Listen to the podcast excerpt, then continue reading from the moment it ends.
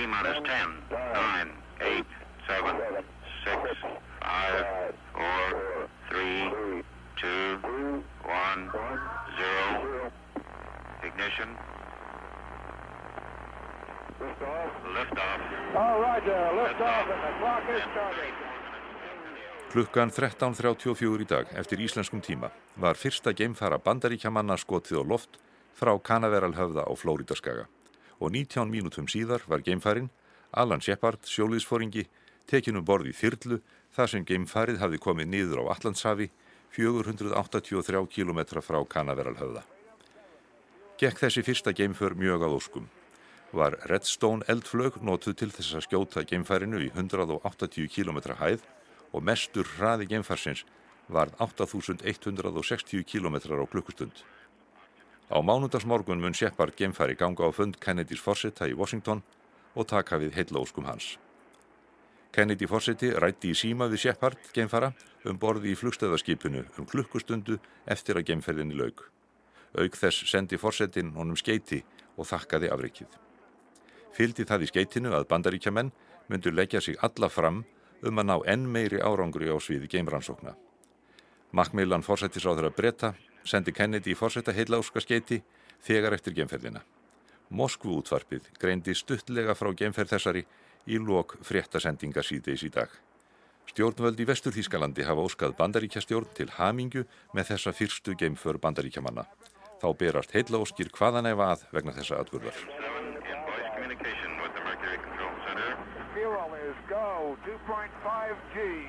Eftir fræðar fyrir spútning um heiminkvolvið hvati bandaríska þingi til þess að brúðist er þið hratt við þessari nýju sovjísku geimókn.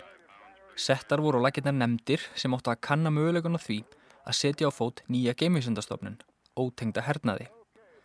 Í april 1958 laði Dwight Eisenhower bandaríkjaforsiti frumvarpir þingið um stofnun geimvísundastofnunar bandaríkjana, eða NASA, sem tæki við af eldri stofnun og erði mun stærri í sniðum.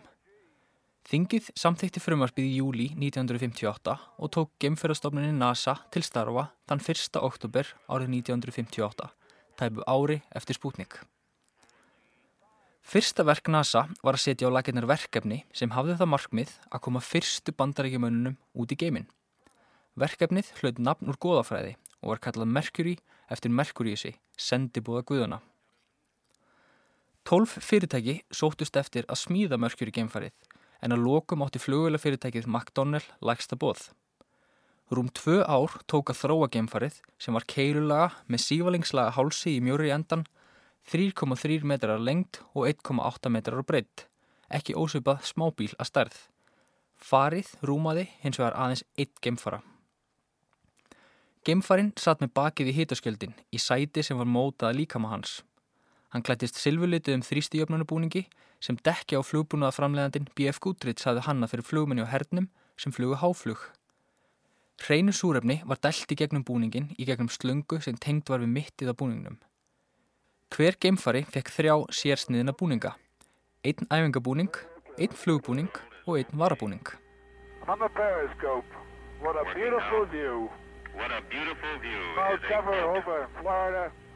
three to four tenths near the eastern coast, En hverju voru mennirnir sem áttu að fljúa út í geiminn með Mercury? Upphaflega áttu bæði karlar og konur að geta orði geimfarar. Eisenhower Fawcetti vildi hins vegar að geimfararnir kæmu úr hópi tilrunaflugmana hjá bandaríska hernum. Það útilókaði sjálfkrafa konur því engar konur störfuðu sem tilrunaflugmanni á hernum. Geimfarinnir áttu að vera á aldrinum 25 til 40 ára, undir 180 cm á hæð, innan við 82 kg að þyngd og hafa háskólagráði í raunvísindum eða verkfræði. Háskólagráðan útilokaði til dæmis flugkappan Chuck Yeager sem rauf hljóðmúrin fyrstur manna en hann var einn aðal persóna kveikmyndarinnar The Right Stuff frá árinu 1983.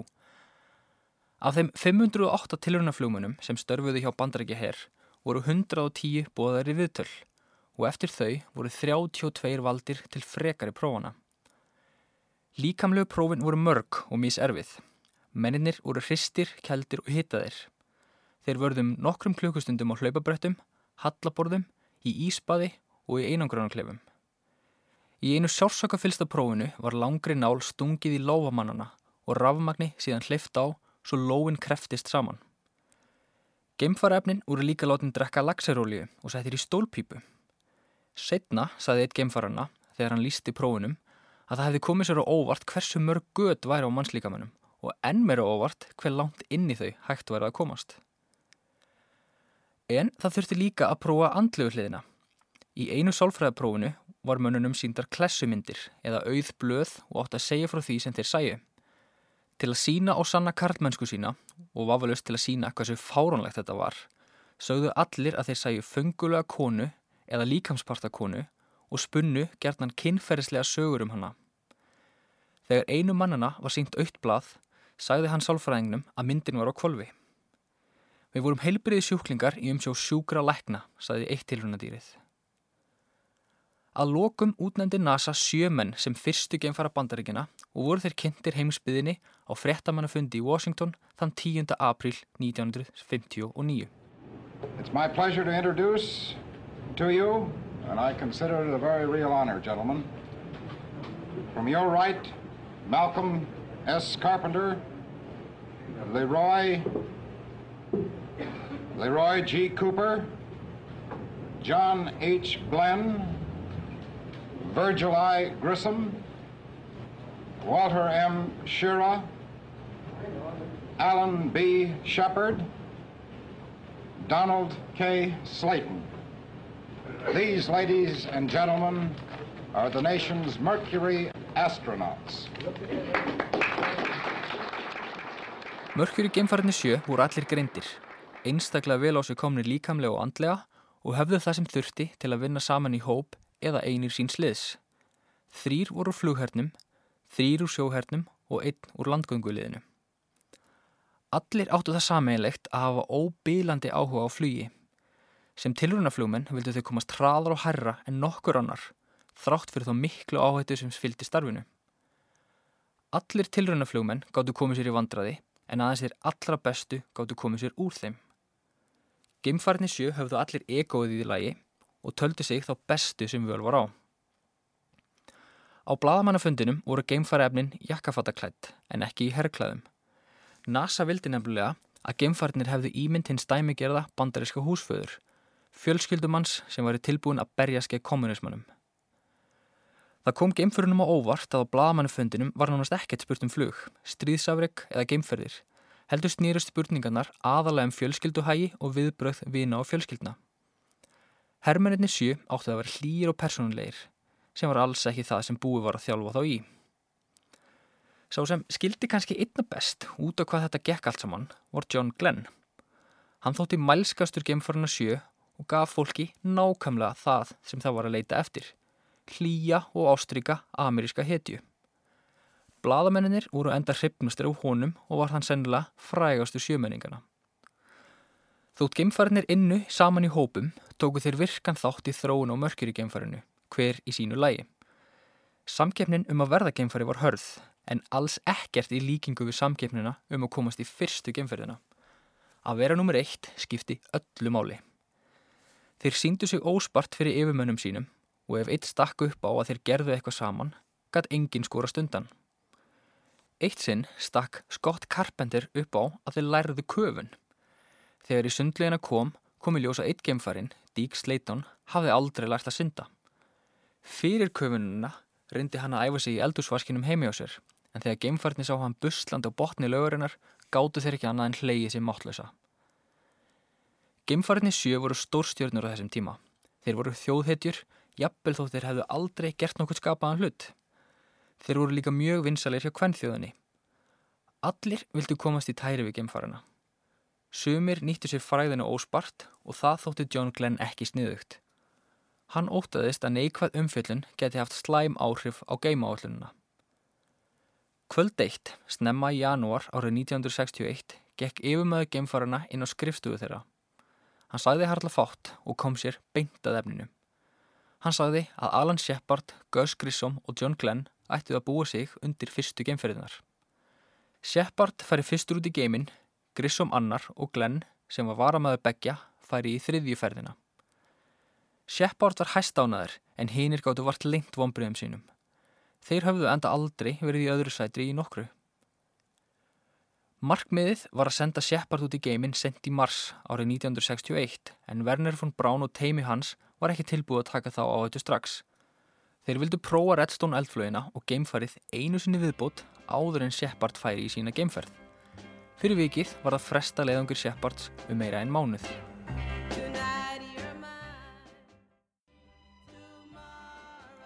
Þann 31. janúar 1961 tókst Redstone eldflög á loft frá Canaveralhöfða með geimfara innanborðs. Hann var reyndar ekki mennskur, en náskildur mönnum samt. Geimfarin var simpansi, þekktur undir númerinu 65. Ef geimferð hans hefnaðist, var í Shepard næstur. Í geimskútinu starfaði eldflögin ekki sem skildi. Hún jók hraðan og frætt, svo nálgæðist hættumörk. Simpansinn öskraði og veinaði og var greinilega mjög skjálftur.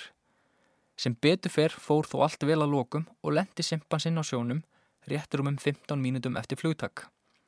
Hann jafnaði sér fljótt og brosti sínu breyðasta þegar hann fekk eppli í verlun fyrir velunin störf.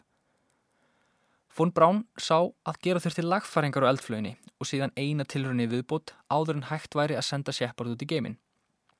Þessi tilrun myndi fresta geimferð Shepards fram í mæ. Þann 12. apríl bárust slæmar fréttir. Fyrsti maðurinn sem fór út í geimin hitt ekki Alan, Gus eða John, heldur Júri. Allir voru gríðarlega vonsveiknir. Engin þó meira en Shepard. Þremur vikum síðar rann stóri dagurinn upp. Annan mæ var allt til reyðu og Shepard kom inn í geimbúningin þegar skall á skrugguveður. En var það fresta geimskutinu nú til 5. mæ. Og þann 5. mæ var veðrið hagstætt. Shepard tók daginn eldsnemma fekk sinn morgunverð með Gus Grissom og John Glenn, drakk tvo kaffebólla, klættist síðan silfurlitaða geimbúningnum sínum og var svo ekið að skotpallinum. Fljótandi súrefni stremdi út úr flóðlistri eldflöginni þar sem hún stóði í myrkrinu. Shepard steg út úr bílnum, haldand á súrefnisbyrðum sínum, namn staðar og var starfsýnt á þessa stóru, fallegu eldflög. Jæja, ég mun aldrei sjá þessa eldflög aftur. Leggjum nú í hann og klárum dæmið, hugsaði hann með sér. Shepard var sestur inn í geimfarið rúmum tveimur tímum fyrir áallega geimskott. Hann hafði nefnt geimfarið sitt Frelsi 7, Freedom 7, en tölustafrun 7 var til heiðus geimfarina 7. Nýðutalningin hjælt áfram en þá kom Bob í bátinn. Gordon Cooper, einn af geimförunum 7, var í stjórnstuðinni og sá um samskipti millir hennar og geimfarsins. Það er spennubreitir í eldflögin sem virkar ekki, saði Cooper við Shepard. Þeir ætla að færa skóturnin aftur á flöginni og skipta um spennubreitin. Það mun líklega taka um það byrju klukkustund, kannski einu og halva. Nú ef svo er þá myndi ég vilja komast út og kasta með vatni, saði Shepard. Fyrir geimferðinar höfðu verkfræðingar unnið að búnaði sem sapnaði þvægi á meðan geimferð stóð. Búnaðurinn átti að virka vel út í geimnum en virkaði illa þegar geimferðin lág á bakinu með fætirna upp á við eins og á skotpallinum. Shepard voru röðu mál og vildi komast út að pissa. Gordo, viltu kanna hvort ég komist ekki út og fá að pissa sem snöggvast, saði Shepard. Varðum þessu ósk nokkur reykistefna. Eftir fáunar mínútur kom svarið. Nei, segir Von Braun. Geimfarin skal halda kyrru fyrir í keirunni, sagði Cooper. Jæja þá, það er í góðu lagi, en ég ætla nú samt að kasta það með vatni, sagði Shepard. Það máttu ekki vegna þess að þú ert með víra út um allan líkamann og það er hætt á skamhlöpi, sagði Cooper. Eru þið ekki með takka til að slökk á þeim, sagði Shepard. Vinsamlegast slökk við á þeim. Að svo búnu pissaði Shepard á sig og renn bleitti öllanarförð sín. Loft streymdi hins vegar um búningin svo hann þórnaði fljótt. En beigð Shepard í hilkinu og voru hann langþreyttur á beðinni. Jæja strókar, kveikju nú á þessu kerti, sagði hann. Klukka 09.34 á íslenskum tíma, löst eftir hádegi að staðartíma, tókst eldflögin loks á loft. Fimm minutum síðar náði geimfarið mestri hæð, 185 kílómetra og tók Shepard sjálfu við stjórn þess um stund. Fáinu mínutum síðar var geimfærinu beint aftur inn í gögukóljarðar. Á heimleðinni uppliði Shepard meira en 11-faldan þingdakraft. Í 30 km hæð opnaðist aðalfallif geimfarsins og sveif það svo á aðeins 35 km hraða niður á sjóin. Í heild hafði ferðalag Shepard staðið yfir í aðeins 15 mínútur og 30 sekundur. Björgun þyrla flög strax á staðin sótti Shepard og flög með hann og geimfarið á flugmóðskipið Lake Champlain. Þar var Shepard vel fagnað. Fjallað var um geimferð Shepards í öllum fjölumilum heims. Laugadaginn 7. mæ saði þjóðvilinn frá ferðinni en þótti heldur lítið til afreiksins koma og sögðu En þó því verði ekki mótmælt að bandarækjumenn hafi náð merkilegum áfanga í gemuransóknum sínum með ferð Shepard sjóliðsfóringja upp í hálóftin verður að vekja aðtigli á þeirri staðrend að flug hans er alls ekki sambarilegt við geimferð Gagarins Majors og bandarækjumenn eiga enn langa leið fyrir höndum áður en þeir geta gert sér vonur um að standa Sovjetríkunum á sporði í geimvísindum, tilvitnum líkur. Bætt var við að tæplega væri hægt að tala um Shepard sem raunverulegan geimfara Ekki ég hægt að tala um geimferð en nefn að fara að minnstakosti hringum jörðina. Frekar ég Shepard svo kanni sem hefði komist hæst upp í hálóftin. Skoðun þjóðviljamanna var í takt við skoðunni sovjetmanna á þessum tíma sem viður kendu engan geimfara nema hann færi hring um jörðina. Morgumblæðið tók nokkuð ólíkan pól í hæðina og sæði frá ferðinni á forsýðu blæðsins sunnudaginn 7. mæ. Stærsti sigurinn að geimflöðið fór fram fyrir opnum tjöldum, sagði fyrirsögn. Á sömu forsiði var önnur fyrirsögn. Grunur styrkist um geimsvindl Gagarins og var þar sagt ítarlega frá samsæðarkenningum um geimferð Gagarins. Eftir heimkomu var Shepard fagnað sem þjóðhetju og var hann heiðraður með skrúðgöngum í Washington, New York og Los Angeles. Þegar fréttamenn spurðu Shepard hvað fóri gegnum huga hans þegar hann satt ofan á eldflöginni og beigð eftir geimskotinu, svaraði hann þá staðrind að hver einasti hluti þessa skips væri byggður á lækstjóðanda. Fánum dögum síðar færði Kennedy fórseti honum orðu fyrir áreikið. And I speak on behalf of uh, the Vice President who is Chairman of our Space Council and who bears great responsibilities in this field, the members of the House and Senate Space Committee who are with us today, and uh, this decoration which has gone from the ground up here. Fymtudaginn 25. mæ, aðeins þremur vikum eftir Gamefair Shepards, áarpaði Kennedy fórseti báðar deildir bandarækjathings. Í ræðu sinni bað Kennedy þingið um stór auknar fjárveitingar til geimrannsókna.